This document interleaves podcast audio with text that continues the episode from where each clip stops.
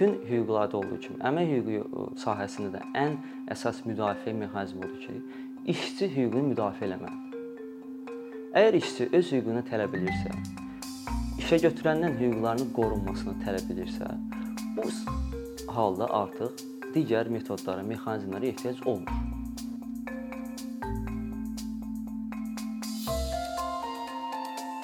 Bu gün mən sizə Azərbaycanda əmək hüquqları ilə bağlı ümumi vəziyyət, işçilərin əsas problemləri və əmək hüquqları müdafiəsi sahəsində görüləcək, görülə biləcək işlər barədə danışmaq istəyirəm. Söhbətimə istərdim kiçik bir hekayə ilə başlayım. Bu hekayə Azərbaycanda orta statistik bir işçinin Əhmədin hekayəsidir. Demək Əhməd hər gün saat 8-də işinə gedir, axşam saat 8-də işdən çıxır. Bu da həftədə 72 saat deməkdir. Həmçinin Əhməd qeyri-iş günlərində, bayram günlərində də işə getməli və işləməli olur. Günlər belə keçir. Gün ərzində Əhməd bu həmin zavodda hansı ki anbar işçisi fəhlə vəzifəsində işləyir. Həmin zavodun anbar ərazisində Əhməd ağır yüklər daşıyır, anbar ərazisində yerləşən avtokar avadanlığından istifadə edir, malları rəflərə yığır, hətta bəzən təmizlik işləri görür və müdirin təlimatlarına, tapşırıqlarına, əlavə tapşırıqlarına riayət etməli olur. Günlər bu cür keçir. Bir gün Əhməd anbar ərazisində iş vaxtı ağır yük daşıyarkən zədələnir və gəlir müdirinə deyir ki, bəs ya bülletin açdırım, ya da ki məzədə çıxım, gedim evdə rahat istirahət eləyim, sağalım. Müdir isə qarşılığında Əhmədə deyir ki, mən nə vaxt desəm, onda məzədə çıxacaqsan, mən nə vaxt desəm, onda bülletin açdıracaqsan, hələ ki ehtiyac yoxdur, çünki sənə əvəzləyəcək heç bir işçi yoxdur. İndi bu söhbətdən sonra müdirlə Əhməd arasında kiçik bir mübahisə yaranır və bu mübahisə nəticəsində müdiri əsəbləşir və deyir ki, səni mən işdən çıxardıram Amma mən bir mərhəmətli müdir olaraq sənin əmək kitabçanı ləkə salmaq istəmirəm, sənin maddəni çıxarmaq istəmirəm. Yaxşısı budur, ərizəni yaz çıx. Artıq Əhmədin bir əlacı qalmır, nə qədər yalvarsa da müdir onun sözünü dinləmir və Əhməd sonunda nəticədə ərizə yazıb işdən çıxmalı olur. Əlacsız evinə qayıdır və bununla bağlı heç bir dövlət qurumuna müraciət ünvanlamır. Qəbulən biraz kədərli hekayədir, amma məncə bu hekayə əksəriyyətimizə tanışdır. Çünki bir çoxumuz bu və ya digər hallarda, bu və ya digər formalarda əmək hüququ pozuntuları və istismarı ilə rastlaşmışıq öz iş yerimizdə. Elə gəlin burdan davam edək. Bəs Əhmədin konkret olaraq hansı hüquqlar pozulurdu? Birinci başlayaq ki, Əhməd həftədə 72 saat işləyirdi. Əmək qanunvericiliyinə əsasən həftəlik iş norması 40 saat və gündəlik 8 saatdan artıq işçi işləyə bilməz. Bu 40 saatdan əlavə saatlar ki, hansı ki işçi işləyib, bunun üçün işçi 2 mislindən özünün saatlıq əmək haqqının 2 mislindən az olmayaraq əlavə maaş almalıdır, ödəniş almalıdır. Bu bir əmək hüququ pozuntusu. İkinci əmək hüququ pozuntusu o idi ki, Əhməd bayram günləri və qeyri-iş günləri işə gedirdi. Və bunun üçün əlavə ödəniş almırdı, təbii ki. Amma qanunvericilik yenə deyir ki, əgər bir işçi qeyri-iş günü hesab edilən bayram iş bayram günlərində işləyirsə, bu zaman yenə öz saatlıq əmək haqqından əmək haqqının 2 mislindən az olmayaraq əlavə ödəniş almalıdır. Bundan əlavə Əhmədin iş şəraiti də təhlükəli idi. O əlində ağır yüklər daşıyırdı, malları rəflərə yerləşdirirdi, anbar ərazisində olan avtokar avadanlıqdan istifadə edirdi. Avtokar avadanlığı da elə bir avadanlıqdır ki, onu yalnız sertifikatı olan, təlim keçmiş və səriştəli işçilər istifadə edə bilərlər. Bu artıq iş şəraitində əməyin təhlükəsizlik normalarının, standartlarının pozulmasıdır. Və əmək qanunumuzda deyir ki, işə götürən iş şəraitində bütün əməyin təhlükəsizlik normalarını qorumağa borcludur, vəzifəsidir və iş şəraitində baş verən iş qəzalarına görə məsuliyyət daşıyır. Bunun əlavə Əhmədin hansı hüquqları pozulurdu? Əhmədin Əhmədin həmçinin məzuniyyət hüququ da pozulurdu. Müdirinə yaxınlaşdı, müdir dedi ki, mən səni məzuniyyətə buraxmam. Halbuki əmək vəzi deyir ki, işə götürən işçisini əmək məziyyətindən təmin etməlidir. Bu onun borcu vəzifəsidir. Və sonda nəhayət əksər işçinin qarşılaşdığı problemlə qarşılaşır Əhməd. Biraz hüquqlarını tələb etmək istəyərkən işə götürəni onu məcbur edir ki, ərizə yazıb çıxsın. Və deyir ki, səbəb olaraq deyir ki, bəs mən sənin maddə ilə çıxarmaq istəmirəm. Halbuki işə götürən əmək qanunvericiliyi əsasən maddə ilə çıxarmaq istəyirsə işçini, bura əsas və sübut verməlidir. Yəni əsassız sübutsuz heç bir işçini işə götürən işdən azad eləyə bilməz, əmək müqaviləsinə xitam verə bilməz. Ən əsas problemi isə o idi ki, Əhməd öz hüquqlarını bilmirdi. İşçilərin problemlərindən danışmaqla bitməz, saymaqla bitməz. Ölkəmizdə təəssüflər olsun ki, əmək hüququ pozuntularının sayı kifayət qədərdir və geniş spektrdə bütün sənaye sahələrində, bütün müəssisələrdə bu əmək hüququ pozuntularını görə bilirik. Yaxşı, problemlər var. Əmək hüququ pozuntuları var. Bəs əmək hüquqlarını biz necə müdafiə edə bilərik? Bununla bağlı hansı mexanizmlər var, hansı aktyorlar var, yollar nələrdir? Birinci ən əsas yol odur ki, yəni bütün hüquqlarda olduğu kimi əmək hüququ sahəsində də ən əsas müdafiə mexanizmi odur ki, işçi hüququnu müdafiə etməlidir. Əgər işçi öz hüququnu tələb edirsə, işə götürəndən hüquqlarının qorunmasını tələb edirsə, bu halda artıq digər metodlara, mexanizmlərə ehtiyac olmur. Amma burada bir problem var. Birinci problem odur ki, cəmiyyətdə hal-hazırda əmək hüquqlarının pozulması, əmək istismarı bir normaya çevrilib, bir standarta çevrilib. Artıq misal üçün siz gedib bir şəxsdən soruşanda ki, bəs neçə saat işləyirsən? Deyir, həftədə 50-60 saat. Və deyirsən ki, əslində sən 40 saatdan artıq işləyə bilməsən, ona çox qəribə gəlir, təəccüblənir, çünki bu artıq onun üçün bir normadır. Və cəmiyyətdə əmək hüquqları sahəsində total bir etinadsızlıq var.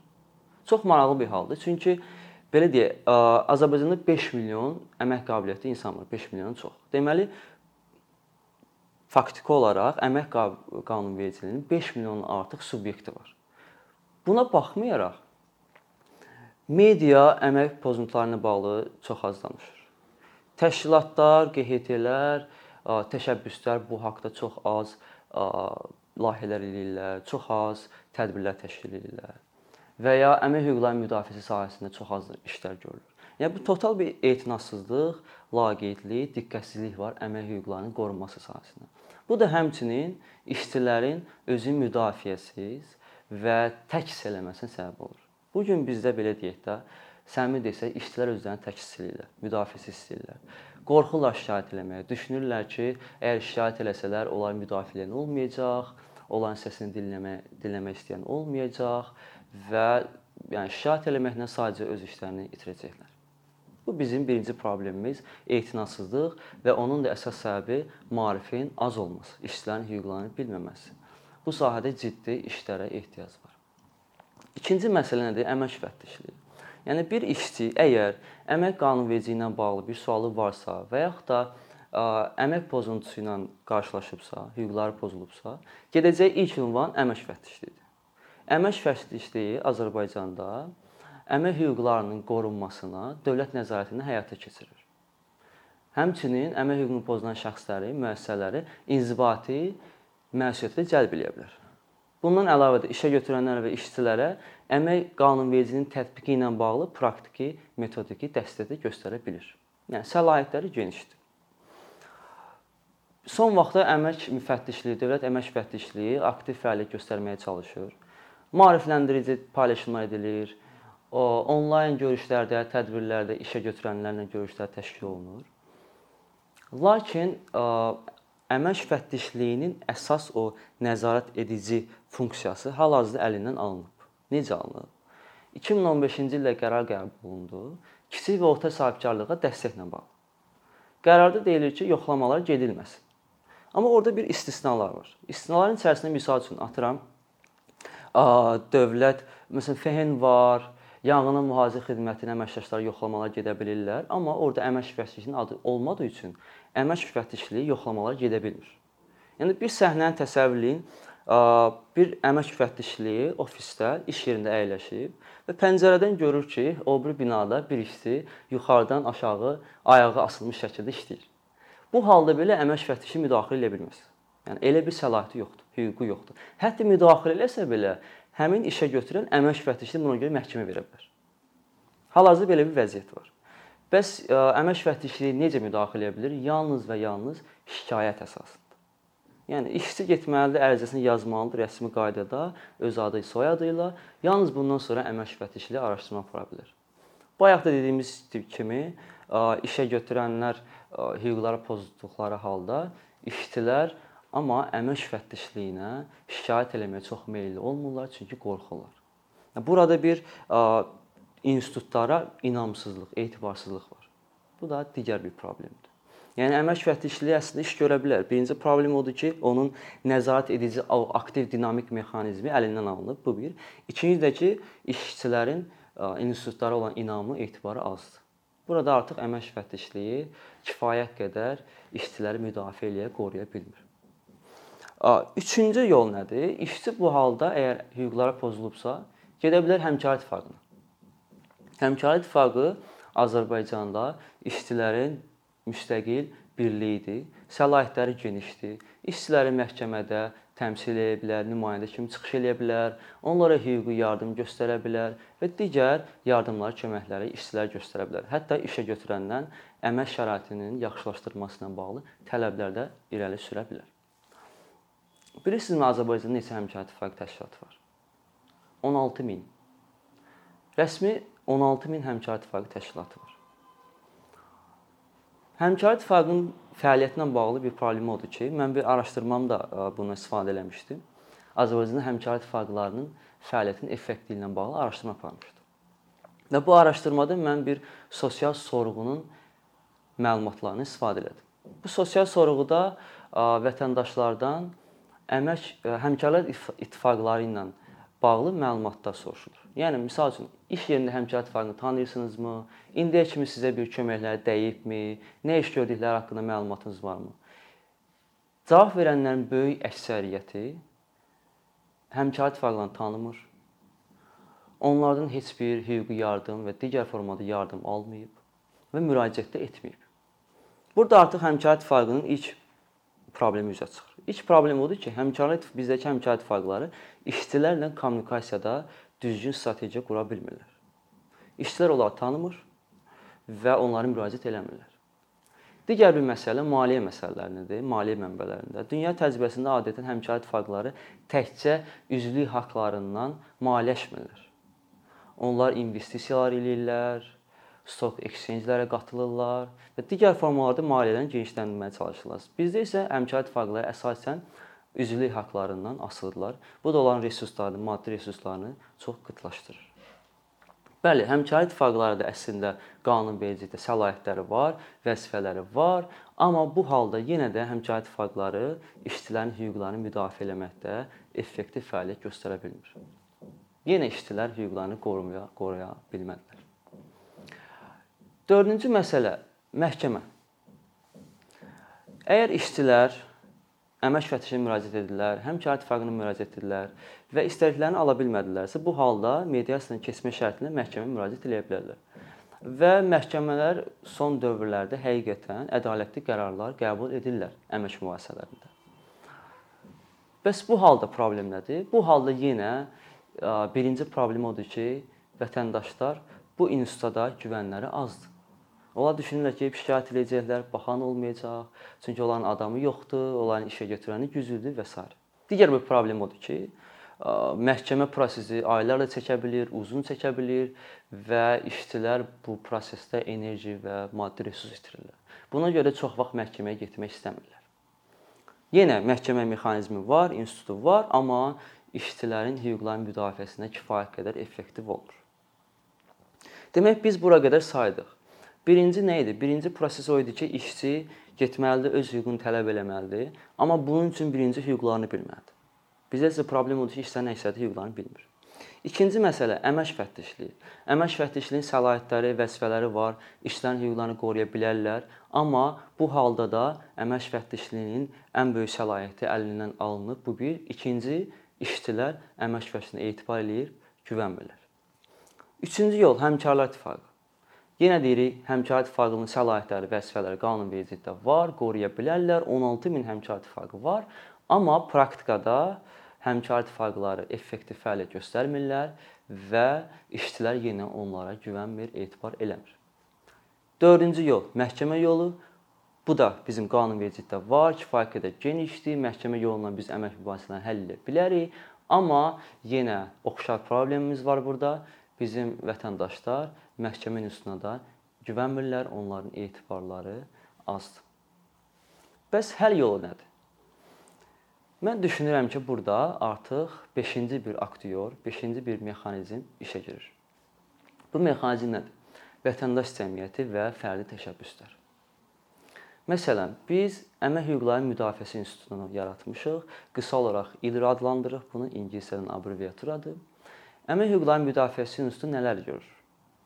Birinci sadaladığım problem vardı, maarifləndirmə problemi. Buna fokuslanır. Azərbaycan qanunvericiliyini, əmək hüquqlarını sadə yolla vətəndaşlara, işçilərə izah eləməyə çalışır.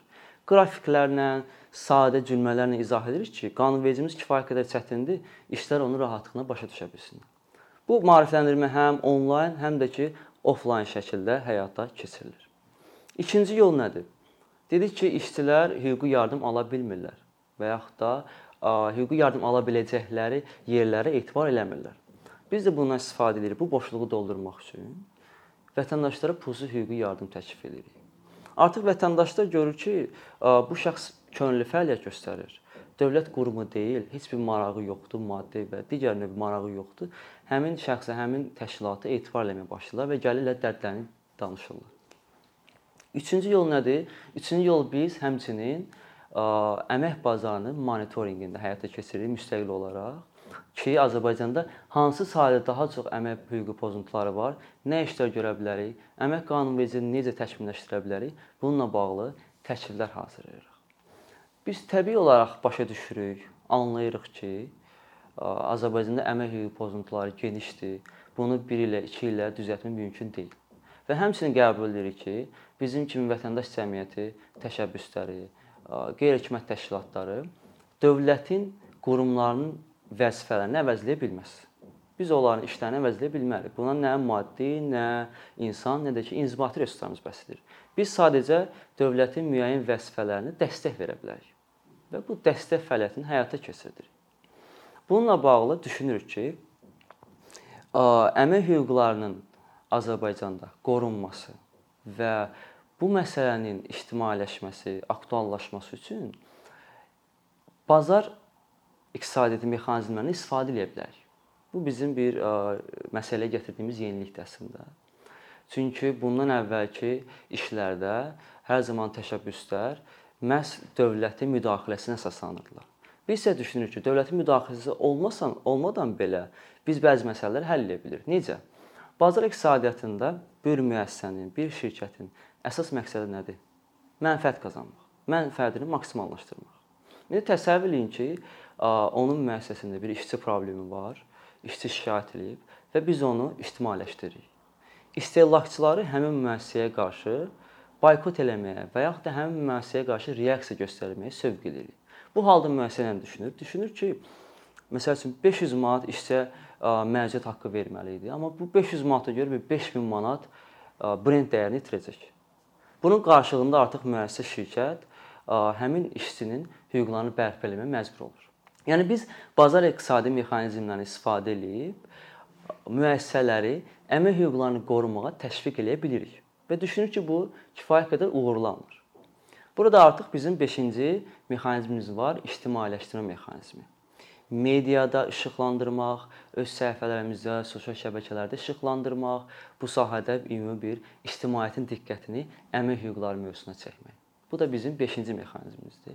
Düşünün ki, bu 5-ci mexanizm, yəni vətəndaş cəmiyyətinin, təşkilatların birgə fəaliyyəti, maarifləndirmə, ictimailəşdirmə fəaliyyəti digər mexanizmlərdə olan boşluqları müəyyən qədər doldura bilər. Lakin təbii ki, tamamilə biz boşluğu doldura bilmərik.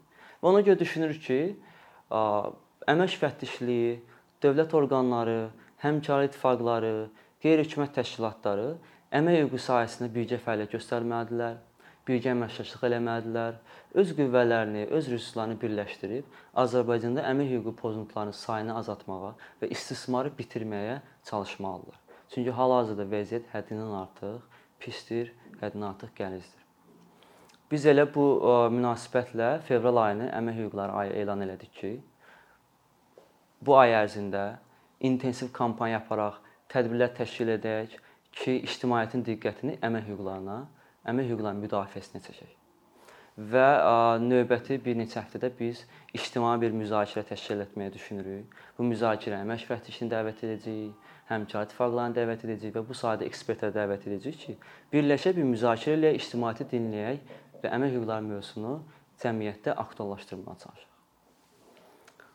Ümumiləşdirsək, ölkəmizdə əmək hüququ sahəsində, əmək hüququ müdafiəsi sahəsində problemlər həddindən artıq çoxdur. Bu sahədə əmək hüquqlarını müdafiə etmək üçün müəyyən mexanizmlər var, lakin bu mexanizmlər effektiv işləmir. Bunun başlı səbəblərindən biri odur ki, işçilər hüquqlarını bilmirlər, bu sahədə maarifləndirmə ehtiyacı var. Digər səbəblər isə qanunvericiliyin təkmilləşdirilməsinə bağlıdır. Üçüncü məsələ isə Əmək hüquqları müdafiəsi üçün vətəndaş cəmiyyətinin, təşkilatların, ictimaiyyətin birgə əməkdaşlığı, birgə fəaliyyəti mütləqdir, vacibdir.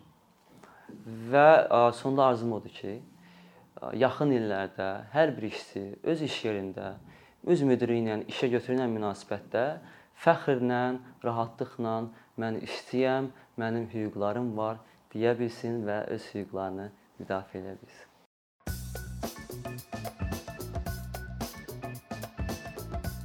Bir neçə ildir ki, əkinçi olaraq azərbaycanlı izləyicilərin hər zaman faydalana biləcəyi keyfiyyətli və ən əsas ödənişsiz kontent hazırlamağa çalışırıq. İndiyədək təqdim etdiyimiz onlarla animasiya və yüzlərlə çəkilişlər tələbələrin, mütəxəssislərin, müəllimlərin və ümumiyyətlə yeni mövzulardan xəbərdar olmaq istəyən çox sayda insanın marağına səbəb olub. Bu illər ərzində hazırladığımız videolar təhsil, texnologiya, ictimai fəallıq, iqtisadiyyat, gender bərabərliyi, ətraf mühit, ifadə ifadə azadlığı, hüquq, demokratik inkişaf, mədəniyyət və digər mövzuları əhatə edib.